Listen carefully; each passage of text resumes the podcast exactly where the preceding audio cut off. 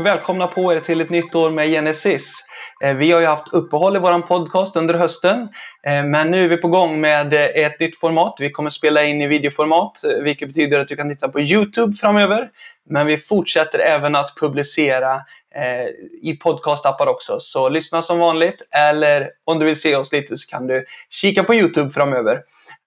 Vi kommer ju fortsätta prata om trovetenskap, skapelsevolution, Eh, och annat sådant. Bibeln är ju spännande. Josef heter jag och i första avsnittet för säsongen då så har jag med Göran Schmidt och vi talar om Svante Pääbos upptäckter. Han fick en Nobelpris i höstas. Eh, det handlar alltså om neandertalare. Det handlar om genetik. Det handlar om eh, neandertalarnas historia, vad man har upptäckt under de senaste 100-150 åren eh, kring dessa både fossil och, och genetik. Då. Så välkommen att lyssna på första avsnittet här för säsongen. Välkommen Göran Schmidt till vårt program här med Genesis. Tack. Eh, vi är igång med en liten nystart här nu, eller eh, fortsättning. Eh, poddat har vi gjort förut, nu spelar vi in i videoformat här. Det blir väl trevligt? Det blir kul. Och man får tänka på att raka sig och klä sig lite snyggare då kanske än när vi spelar in i bara ljud. Så, så det tror jag blir bra. Och eh, vi hoppas på en härlig säsong här efter att ha haft lite paus. Men eh, i dagens avsnitt då så ska vi ju prata om eh, Svante Pääbo hans Nobelpris och lite upptäckter då kring neandertalare och lite bakgrund kring neandertalare. Eh, och det här tycker vi ju Genesis är väldigt spännande. Men vill du först säga någonting om eh, Svante Pääbo? Vem är han? Ja, han är ju ganska rikskänd i det här laget. Han fick ju Nobelpriset i höstas då i eh, fysiologi, medicinfysiologi. Han eh, är genetiker och eh, fokuserar på, på evolutionär genetik så att det, det handlar om eh, eh hans fynd då av och undersökningar av eh, gammalt, gammalt eh, DNA från, från, eh, från gamla människor som neandertalare och denisovaner. Så att eh, det, det, är spännande. Han har gjort, han har gjort liksom en väldigt väldigt, väldigt grundlig forskning. Det var inte länge sedan man trodde att det omöjligt skulle kunna finnas DNA i så här gamla ben. Då. Eh, men det har man hittat numera och det har han undersökt och liksom, eh, det har klarlagt en, en, en ny bild av, av neandertalmänniskan kan man väl säga. Precis, för det här säger mycket om neandertalarna. Vi ska återkomma till hans upptäckt lite då, men, men om man tar just neandertalarna och går igenom lite bakgrund kring dem, hur man har sett på dem eh, och så vidare. Eh, berätta för oss, hur, hur upptäcktes de här första fynden och, och så vidare? Ja, det började väl Igen, för mig, alltså det vanligaste storyn man hör är att eh, det, började 1856 då när, när eh, eh, man hittade då i eh, Eh, nere i Düsseldorf i Tyskland är det som kallas då för eh, just Neandertal, Neandertal alltså Neanderdalen där. Eh, så hittade man då i en, eh, ett kalkbrott var det väl, så hittade man då en, eh, mm, jag tror det var ett eller, jag minns inte om det var ett eller två skelett i alla fall, men av en, en, en människoliknande varelse då. Som man från början då tänkte så här att ja men det här är ju en, det här är ju en en, en, en människa, fast kanske lite, lite, ja, lite annorlunda än, än, än eh, vanliga människor. Sådär, va? Men man la inte så mycket eh, fokus på det på något sätt. Sådär, va? Det var inte egentligen förrän 1900, eller 1859 då, när, när Charles Darwin kom ut med sin världsberömda bok om arternas uppkomst och sånt där. Och, Eh, som, som eh, man började se på ett annat sätt på de här benen. Då. Eh, för då började man tolka dem i ett evolutionärt perspektiv. Liksom. För människan hade ju då utvecklats från apliknande varelser. Då. Så då blev det en sorts, kan man säga, omtolkning där. Sen, sen visade det sig i efterhand att man hade hittat den här typen av eh, skelettdelar redan tidigare då, vid åtminstone två tillfällen. Ett i Belgien jag tror det var Belgien 1830 och ett i, nere i Gibraltar eh, 1848 tror jag det var. Eh, och, de, och sen hittar man ganska snart, ja det gick några decennier, men sen hittade man också några fynd som kanske blev de mest eh, liksom, omtalade Eh, det gjorde man 1908 då i, i, eh, på ett ställe i, jag tror det ligger i Frankrike, ja, som heter La Chapelle, La Chapelle au Saint. Och, och, och de skeletten, de blev liksom, ska man säga, stod modell då för den bild av neandertalmänniskan som, som den vanliga svensken har, liksom då, men, men eh, böjd framåtlutad, hårig varelse som var ganska korkad. Precis, för det är det som man eh, tänker mycket kring, kring neandertalare, även om det kanske inte finns många inom forskningsvärlden som tänker så idag. Oavsett om man är eh, mainstream evolutionist eller om man är skapelsetroende så har alla en, en eh, nyare syn av neandertalarna. Men det gamla är ju att det verkligen är en primitiv halvapa, hårig, halvupprättgående och så vidare. Eh, men, eh, men det har förändrats mycket då med tiden. Ja, ja, men det har det ju. Jag minns ju när jag gick i skolan och när jag, när jag, jag vet jag hade en bok eh, med, med förhistoriska människor när jag gick i, jag tror det var högstadiet och sånt där. Och där, där var ju bilden av neandertalarna just det här. Det står en framför en grotta som, som verkligen ser ut som en halvt apa, halvt människa och med en klubba i handen och, eh, och så vidare. Eh, och vad heter det, när man idag ser bilder av neandertalare, avbildningar då, konstnärer som avbildar, då, då är det liksom helt andra människor. Då, då är det verkligen människor i, modern tappning. Det, det handlar om, det handlar om eh, personer som kanske är rödhåriga, lite fräkniga, klädda i vanliga kläder, ser ut som i stort sett vem som helst. Kan man eh, se att de var fräkniga och rödhåriga? Ja, inte på skelettbitarna då, men, men, men just med Svante Pääbos eh, liksom undersökningar av DNA har visat att de gener som, som eh, kan, eh, svår, står för det här liksom, i, i vår tid, då, de, de hittar man även hos neandertalare. Så, att, så det är ju, alla var säkert inte sådana, men, men eh, det, det fanns liksom i populationen på den tiden, precis som nu. Så i alla fall den här myten av den superprimitiva neandertalaren, den behöver vi slå hål på ständigt. Och det tror jag att forskningsvärlden också vill, för de står inte heller för det längre. Men det dröjer lätt kvar i, i samhället i stort. Eh, men annars då kring det här med neandertalaren och eh, kontra moderna människor, vad är det som skiljer menar man och ser man i, i fossil och kanske DNA också? Så där då? Vad är det egentligen som gör att man vill kategorisera den som en egen fortfarande? Mm. Ja, alltså det varierar lite grann. Alltså, förr, som sagt var, då var det ju, då, då hette den liksom, eh, den, den här personerna då, de, de kallades då för Homo neanderthalensis, vilket då markerade att det var en annan separat art då. Och det hör man än idag, äh, människor som, som, som, som talar om neandertalarna som en annan art. Men eh, vad heter det, om man, om man tittar på hur neandertalaren liksom, ja, men såg ut till kroppen då, så om man börjar uppifrån så kan man väl säga att, att mm, de hade kraftiga ögonbrynsbågar, alltså skelettet här ovanför ögonbrynen var, var, liksom stod ut lite grann så att det var som en, en liten knöl här så här tvärs över. Och sen var pannan väldigt låg. Eh, du och jag sitter här och har en ganska hög panna medan de hade en förhållandevis låg panna och sluttade bakåt. Men i gengäld så var huvudet liksom mer utsträckt bakåt då så att det var inte så mycket uppåt så här utan mer, mer eh, i, i den ledden då. Och skallen var alltså eh, markant faktiskt större då i volym än, än nutidens människa. Är, vilket kan förbrylla den som tror att skallvolymen har att göra med intelligensen. För I så fall skulle neandertalare varit betydligt mer intelligenta än vad vi är. Eh, så kan det ha varit, men det behöver inte ha varit så. Eh, därför att det finns i praktiken ingen som helst korrelation mellan skallvolymen och intelligensen hos nu levande människor.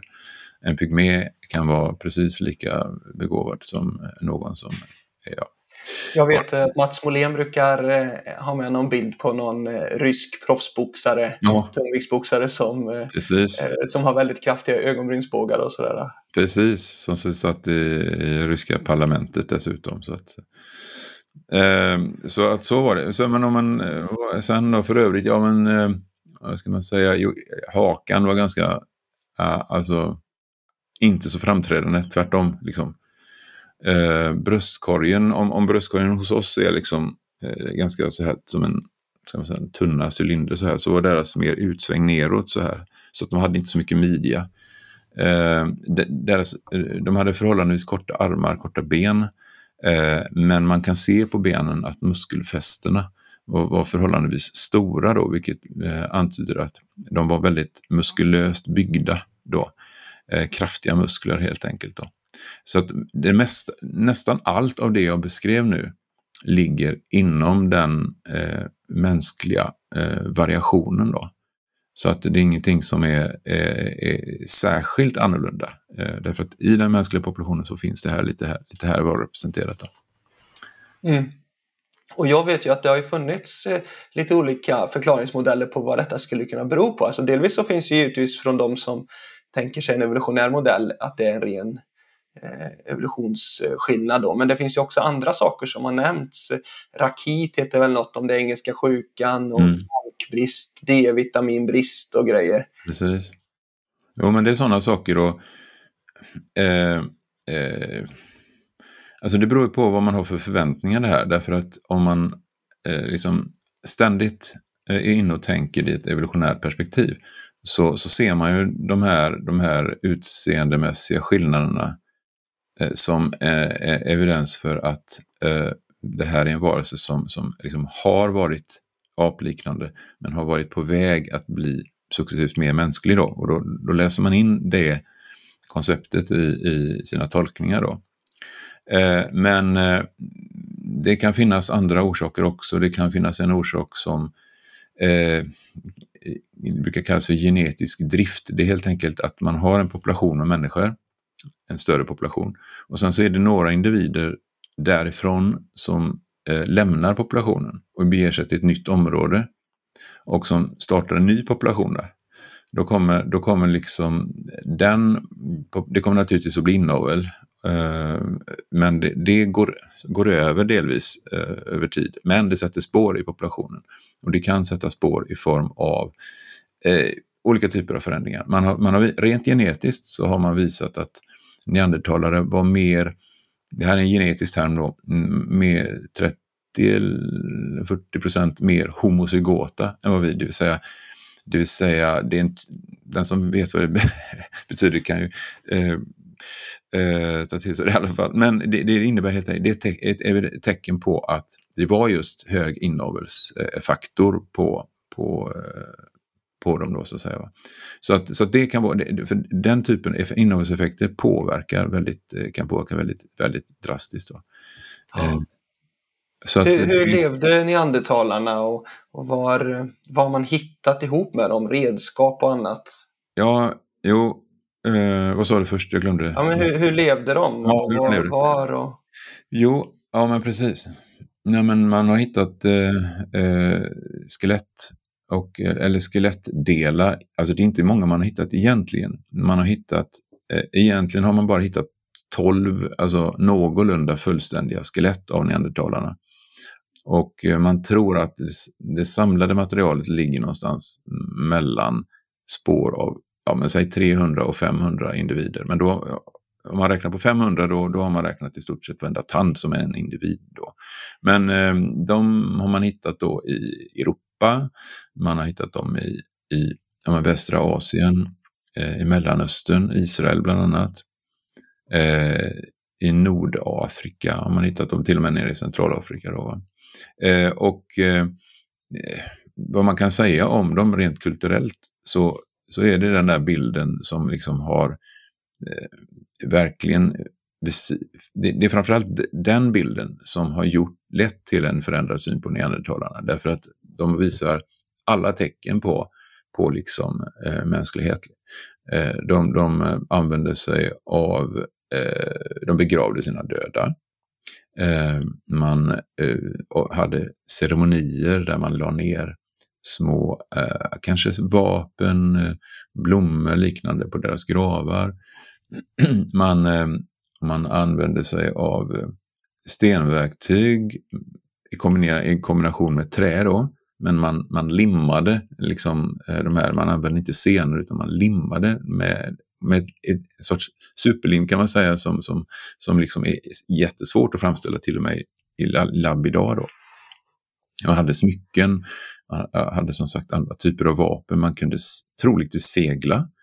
Eh, och så, alltså mängd sådana här saker som, som eh, man målade, man hade pigment och så vidare. Så att en enorm mängd med eh, tecken på, eller evidens för att, att det verkligen var högst begåvade varelser det här. Man, man hade läkekonst till exempel, man hade man har hittat eh, spår av, i deras tandsten, rätt festligt, så har man hittat, hittat liksom spår av eh, ja, men, röllika och kamomill och sådana här växter som man då använde i läkemedel. Och man har också hittat att de använde sig av alltså sälj, säljbark med, med eh, där det finns salicylsyra, alltså i princip aspirin, alltså som febernedsättande medel och eh, till och med antibiotika. Eh, man, har, man tror att de har ätit alltså eh, penicillium, alltså möglad, möglat bröd och sånt där som har varit då eh, bakterier.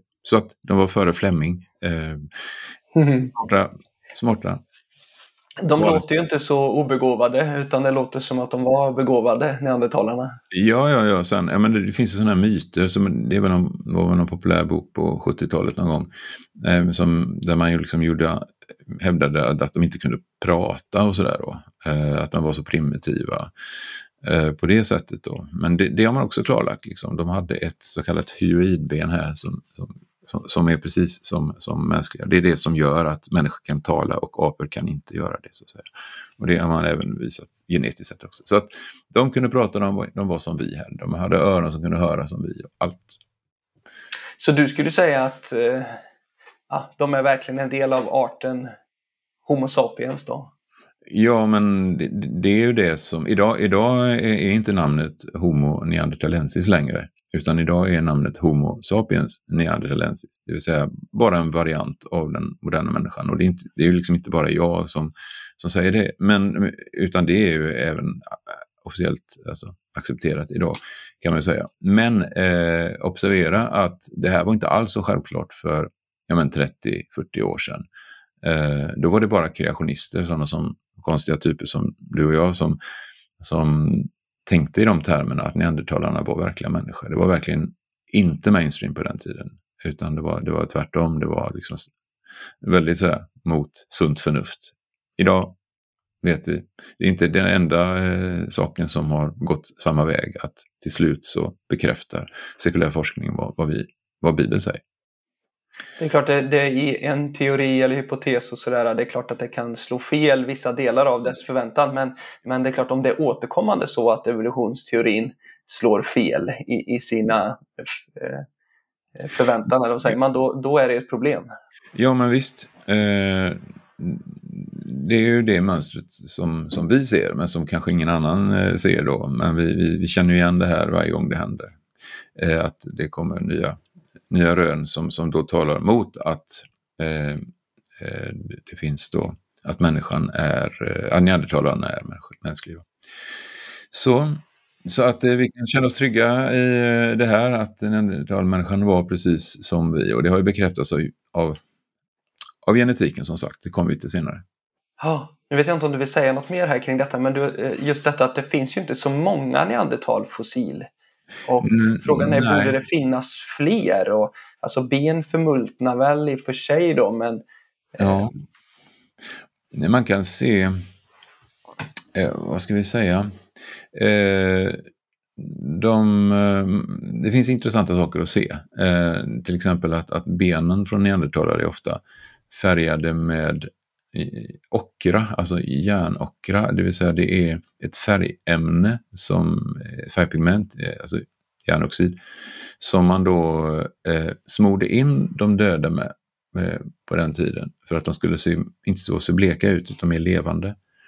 Och, eh, och, och, det är när sen kroppen förmultnar så sätter det sig på, eh, lägger det sig på benen. Då.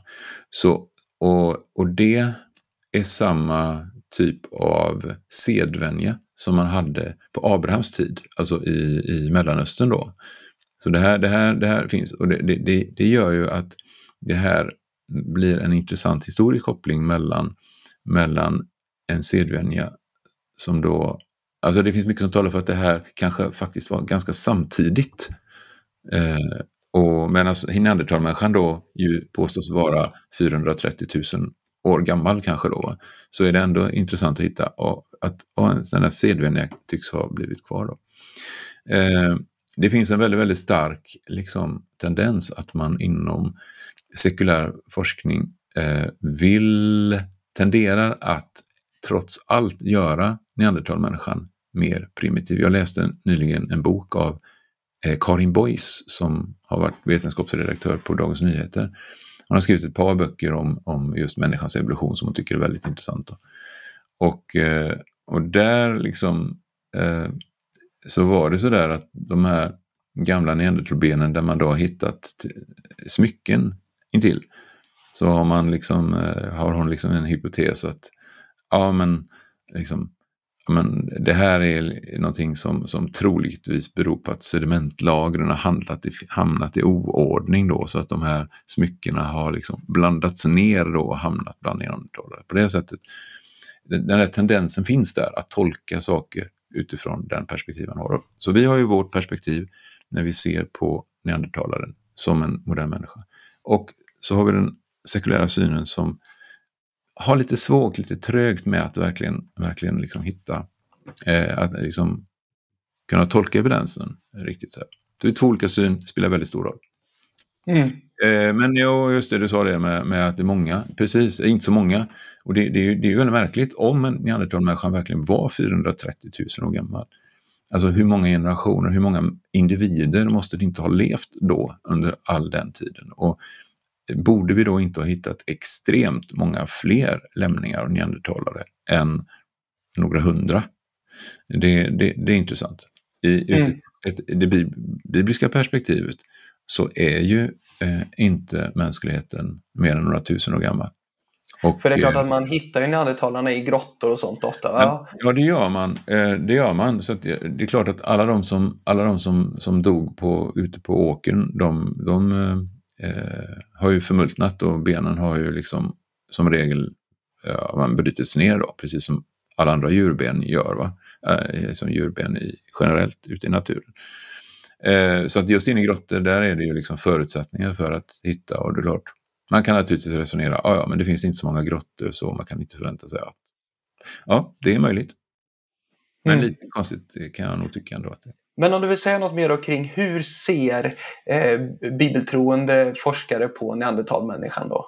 Vad, Nej, det, det, hur, får man in dem i Bibeln? Liksom? Var ja, men precis. De? Ja, men det är, det är om, vi, om vi läser i Första Mosebokens tionde kapitel så eh, handlar det där om vad som hände efter syndafloden, efter att Noa och hans tre söner och deras hustrur eh, kom ut, då bildade de, grundade de en ny population och till, till en början så var den då koncentrerad till området i, i Irak, nuvarande Irak. Då. Man byggde en stad som heter Babel och därifrån kan vi då läsa i Bibeln hur, hur den här mänskligheten eh, eh, spreds ut över jorden därför att Gud ingrep och eh, gjorde att de inte förstod varandra, familjerna sinsemellan.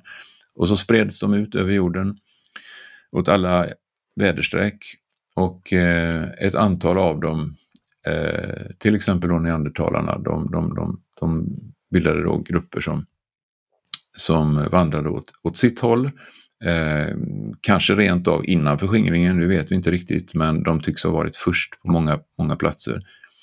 Eh, så, så där är det liksom den här, den här förskingringsaspekten då, hur, hur mänskligheten spreds ut från, från trakten av Mellanöstern. Vilket är helt... Då skulle, då skulle neandertalarna ha varit eh, bara för några tusen år sedan då som de spreds ut i så. Ja, exakt. exakt.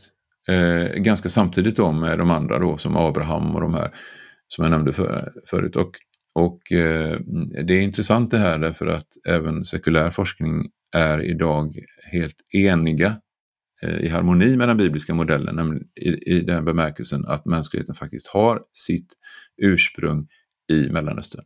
Alltså därifrån spreds man, det är ett spridningscentrum i Mellanöstern, därifrån så, så spreds man ut. Så det är också en intressant Det är tidsaspekten som skiljer då? Det är tidsaspekten som skiljer och den är markant. Men det är, det är, en, det är en fråga i sig då. Vi återkommer kanske till det lite senare här, men, men eh, vill du säga något mer eller ska vi gå vidare lite till nej, Svante Pääbo igen? Här? Nej, vi kan gå vidare. Så. Vi tar Pääbo. Eh, hans ja. Eh, Nobelpris då, och eh, vi har varit inne lite på det, men vad, vad är det just för upptäckter han har gjort och vad har hans forskning kretsat kring? Ja, han har, eh, mm, om vi säger så här då, alltså från, från början när man undersökte neandertalare rent genetiskt då, så undersökte man eh, mitokondrier, alltså små grejer inne i cellerna som eh, har ett eget, litet, en liten DNA-snutt för sig själv där. Annars finns DNA inne i cellkärnan. Men, men när man, när man eh, undersökte dem först så, så fick man fram liksom resultat som tydde på att eh, neandertalarna var verkligen en helt Eh, separat art då jämfört med människor. De skulle alltså inte kunna få barn tillsammans med moderna människor.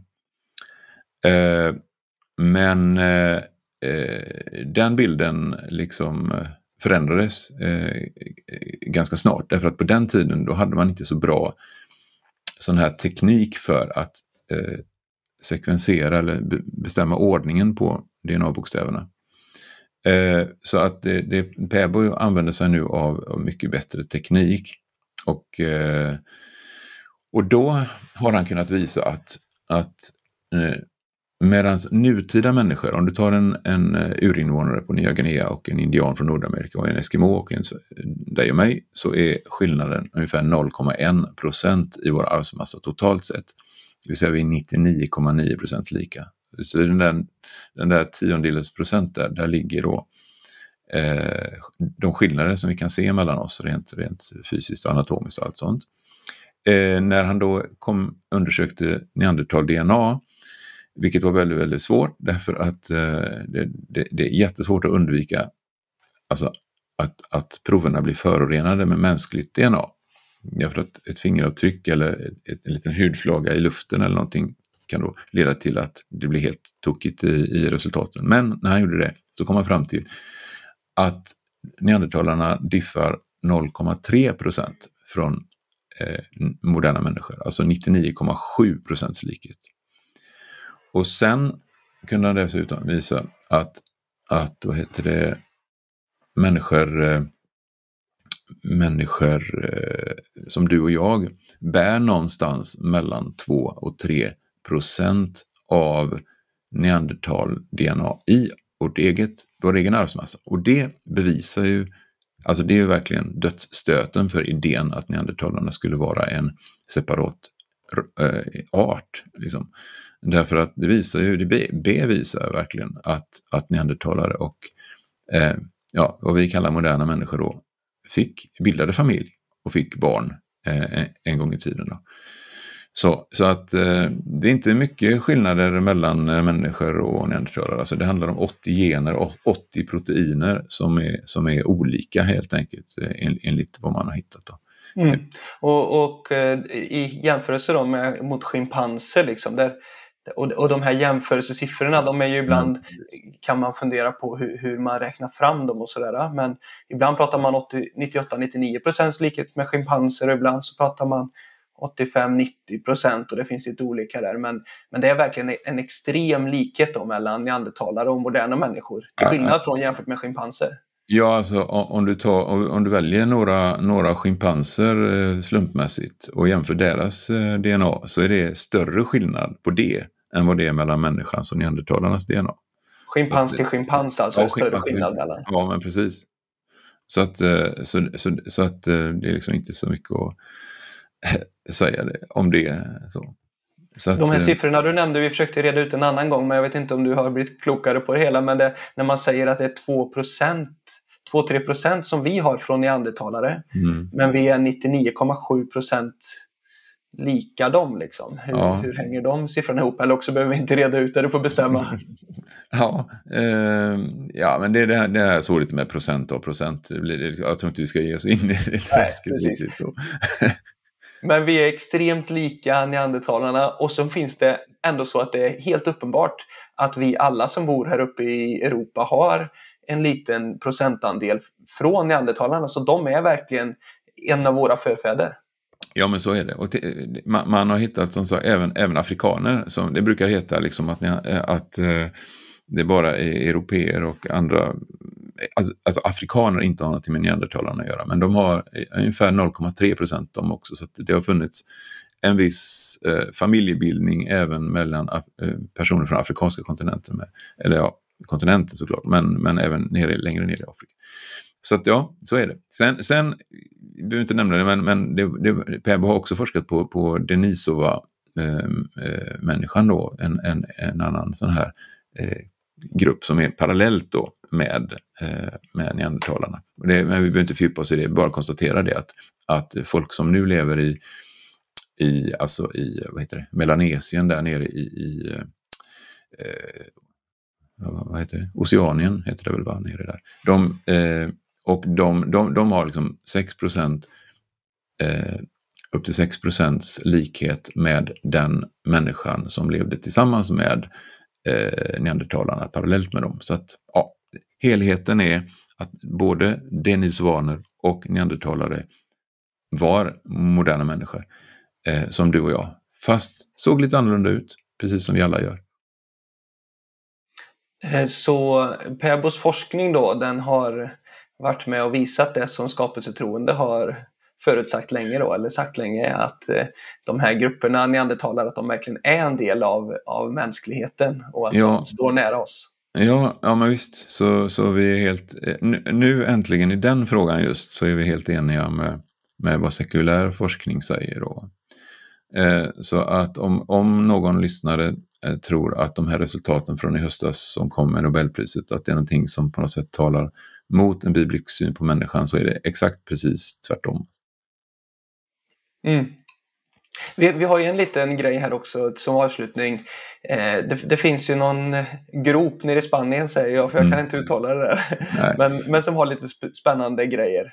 Mm. Eh, ja, det är nere i södra Spanien då, så finns det en, eh, ett ställe som heter Cima de los Huesos som, som är liksom en, en, ja, men det är en klyfta i berget, det är som 15 meter djup klyfta. Och där nere i, på botten där så har man då hittat, eh, ja, först tänkte man att det är nog personer som har trillat ner där, den här klyftan, men sen så har man kommit fram till att nej, det var nog inte så, utan det var någon typ eh, begravningsplats eller sån här, vad ska man säga, massgrav eller något som tyvärr skapas även idag eh, på sina ställen. Men, men där har man hittat i alla fall lämningar från 28 individer. Och eh, det intressanta med det där stället, det är att det är en mix verkligen. Där finns eh, eh alltså, eh, kan man säga, drag av Homo erectus, alltså en, en, en en, en typ av människa som man då tänker sig var, var innan då neandertalarna. Och man har hittat neandertalare, man har hittat, eh, man har hittat även eh, moderna människor. Och alla ligger där tillsammans. De levde samtidigt, de levde eh, på samma plats. Då. Och, och, och, genetiker har visat att det finns också inslag av denisovaner då. Alltså, så, så, att där finns liksom precis allt då. Där finns, där finns ö, också övergångar mellan dem, eller övergångar eller kombinationer av dem. Till exempel mellan Homo erectus och neandertalare. Så finns det liksom en, en mix då som man brukar kalla för Homo heidelbergensis, alltså Heidelberg-människor. Alla varianter, i stort sett alla de här typerna av människor som vi har pratat om nu, finns där, samma tid, samma plats. Så det bekräftar ju verkligen det här att alla är egentligen eh, tillhör samma familj, nämligen precis samma. Nu vet inte jag vad det är för omständigheter där nere, men det är ju fascinerande att, att de här skeletten då finns kvar, antar jag. Ja, Eh, ja, det, det, är ju inte så. Ja, det är i alla fall, det är i alla fall spår av det. Jag tror det är ett par skallar som var ganska kompletta i alla fall. Sen är det ju trasiga grejer såklart. Men, mm. eh, jo, men det är fascinerande. Det det. Och sen är det ju också, om jag ställer frågan då, alltså en evolutionist skulle väl inte hålla med kanske om att de här levde samtidigt då, eller hur, hur tänker jo, man från ett mm, evolutionärt håll? Nej, det, det är klart att det men vi kommer till det senare program, men, men, men det är ju faktiskt så att den, den, alltså, den evolutionära bilden av människan är idag, befinner sig i någon sorts kaostillstånd, verkligen. Eh, så att det, det är därför att man ser ju, jag menar man har ju evidensen framför sig, man måste tolka dem och man har varit van att tolka dem och, och, och i ett, liksom en sekvens då av, av olika människotyper. Den bilden finns inte kvar, den finns bara i läroböckerna. Den och det är klart att det finns givetvis det finns olika åsikter bland forskningssamhället, så vissa kanske ja, ja. har en annan bild. Om, men du menar att, att många eller flera tänker verkligen att det här är att de, att de levde samtidigt, de här eh, Ja, ja, ja. Eh, det är inte fossilen så, då, det, att det är från det, samma tid? Ja, ja, ja, ja. Tendensen är tydlig att, att liksom forskarsamhället går mot den slutsatsen. Det är liksom ingen, ingen tvekan om det. Så att eh, så är det. Sen, sen, finns det, jag glömde väl säga det, det finns utifrån ett bibliskt perspektiv också. Det finns forskare som, som har haft en ganska spännande ingång i det här med varför neandertalarna såg ut som de gör. Och det, det är det här att de här tecknen som, som neandertalarna står för är någonting som man faktiskt kan vänta sig av människor som åldras under en väldigt lång tid. Eh, därför att när man åldras så förändras skelettet eh, hos, hos människan. Kraniet förändras, kroppen förändras, händerna blir större, fötterna blir större, öronen blir större, men det syns inte i fossilen. Men själva skallen blir större. Mm. Min egen Chalmersmössa passar inte alls längre på mig, till exempel. Ja, från, från ungdomstiden där. Va? Och, men eh, jo, eh, och eh, ögonbrynsbågarna växer till, eh, huvudet blir större. Och det, det är sådana här drag som, som, som kännetecknar. Så detta skulle kunna vara Eh, ett, ett, ett tecken som tyder på att de här personerna blev väldigt mycket äldre än vad vi blir idag. Och det är också någonting som är väldigt fascinerande utifrån Bibeln, nämligen att människor förr i tiden, ganska nära efter syndafloden, upp, eh, uppnådde extremt hög ålder med våra mått mätt. Då. Och att den där åldern har sedan minskat över tid. Så det, och nu är vi det, lite spekulativa områden då. det, är lite, men, det är lite spekulativt, men, men det, det är ja, lite intressant. Mm.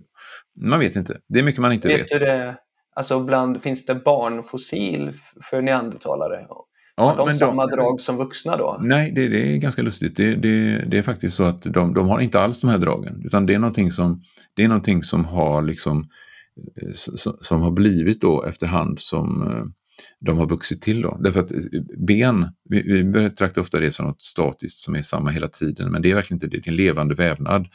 Och eh, därför så Därför så eh, de här neandertaldragen då, de, de, de, liksom blir eh, mer och mer tydliga efterhand som, som man lever. Och det finns liksom en, eh, en forskare som har, jag ska se om jag kommer ihåg hans namn bara, Eh, Eh, ja, Kuoso heter den efternamn. C-U-O-Z-Z-O. Jack heter han i förnamn. Eh, han, han har skrivit en bok som heter, eh, ska vi se om jag kommer ihåg vad den heter, den heter Buried Alive, tror jag. Och eh, eh, han är odontolog, så han, han är liksom eh, expert på tändernas eh, struktur, deras infästning i käkben och käke och de här delarna. Och han, när han har undersökt, han har fått tillträde till, alltså hans bok är helt, oh, det är som en deckare, jag läser en deckare och rekommenderar den, den är extremt spännande. Han fick tillträde till de här, eh, alltså eh, neandertal, originalskeletten av neandertalare som finns då på, på universitet, i, bland annat i, i Frankrike, i Paris. Och han gjorde undersökningar på de här och han kunde visa liksom hur, hur de här eh, original eh, skeletten och kranierna då verkligen skilde sig från de avbildningar som sedan gjordes. Därför att han kunde direkt se att ja, men, käken sitter ju tre centimeter längre fram än vad den gör på en, på en, på en vanlig person och så vidare. Va? Eh, och tänderna passar inte om man inte sätter dem så här istället. Och, och på det sättet kunde han visa att neandertalarnas unga, unga barn hos neandertalarna hade en tandställning av käken och tänderna som, som, som påminner snarare om det som ett mänskligt embryo har, eller foster har, eh, eh med kanske, kanske bara en 12-13 veckors ålder. Eh, vilket då, för han tolkade detta som att, att det här var ett tecken på att neandertalarna hade en mycket längre ungdomstid eller barndomstid då. Va? Vilket också då skulle passa ihop med bilden av att de hade en mycket längre livstid. För det är klart, om en människa skulle leva i 800 år, då skulle ju ungdomstiden vara kanske i 100 år. Eh, Medan vi som kanske lever i 80 år har en ungdomstid på 15 år. Alltså, du förstår, det där är mm, ganska det dröjer, intressant. Och då dröjer det längre tills man kan få barn. Ja, men precis. Och kvinnor kan få barn längre kanske också eventuellt. Ja, och det, det, det, är, det där är också något som man kan läsa i, i, i Bibeln om. Alltså man, man, på den första tiden fick man barn vid väldigt hög ålder. Men det är spekulationer, lite intressant för en kristen i alla fall, att liksom notera och reflektera över det där. Eh, ganska mycket nonsens för andra personer som lever i ett evolutionärt perspektiv där man, där man tänker sig att ja, så gamla som vi är nu, det har vi alltid varit och så. Men utifrån det bibliska perspektivet när Gud skapar en perfekt värld och, och med människor som faktiskt levde väldigt länge så är ju detta någonting som är värt att fundera på. Då. Eh, eh utifrån ett bibliskt perspektiv så är det ju faktiskt så att, kval, så att säga, kvaliteten på människan och hennes arvsmassa är någonting som har avtagit över tid Eh, och som eh, eh, dock skulle kunna återspegla sig i bland annat levnadsålder. Men det är, kul, det är kul att resonera kring det, tänka på det och läsa om det. Så att det rekommenderar jag. Det finns en hel del att läsa om det här eh, på nätet såklart och vi skriver om det på vår hemsida lite då och då, genesis.nu ju. Så att den som vill veta mer kan ju höra av sig om man, om man inte hittar det man vill. Precis, för här har vi ju massa spännande saker vi har nämnt nu. Jag tror att vi är inne för landningar, va? eller är det något mer du vill mm. nämna? Nej, eh, det är, det den här med åldersfrågan som ofta är en, en, eh, liksom ett sånt där käpp i hjulet för många. Liksom det, det kan ju inte vara så att neandertalarna levde för, för, för, för, så kort tid sedan och sånt. Va? Men då kan man fundera på sådana här små saker som att eh, man har hittat liksom Eh, tillsammans med neandertalare i Tyskland så har man hittat liksom trä, man har hittat tre, tre stycken träspjut. Alltså inte bara pilspetsarna, eller spjutspetsarna, utan även själva eh, vad heter det? Ja, skaften. Eh, jag menar, kan, kan en trä, trä, eh, kan man tänka sig att trä varar så länge så att säga? Eh, ja, det, det är åtminstone något man borde fundera över lite grann. 400 000 år är sjukt länge. Det är mycket längre än vad vi kan, kan ana. Eh, de, de där träbitarna borde oxidera och eh, multna såklart.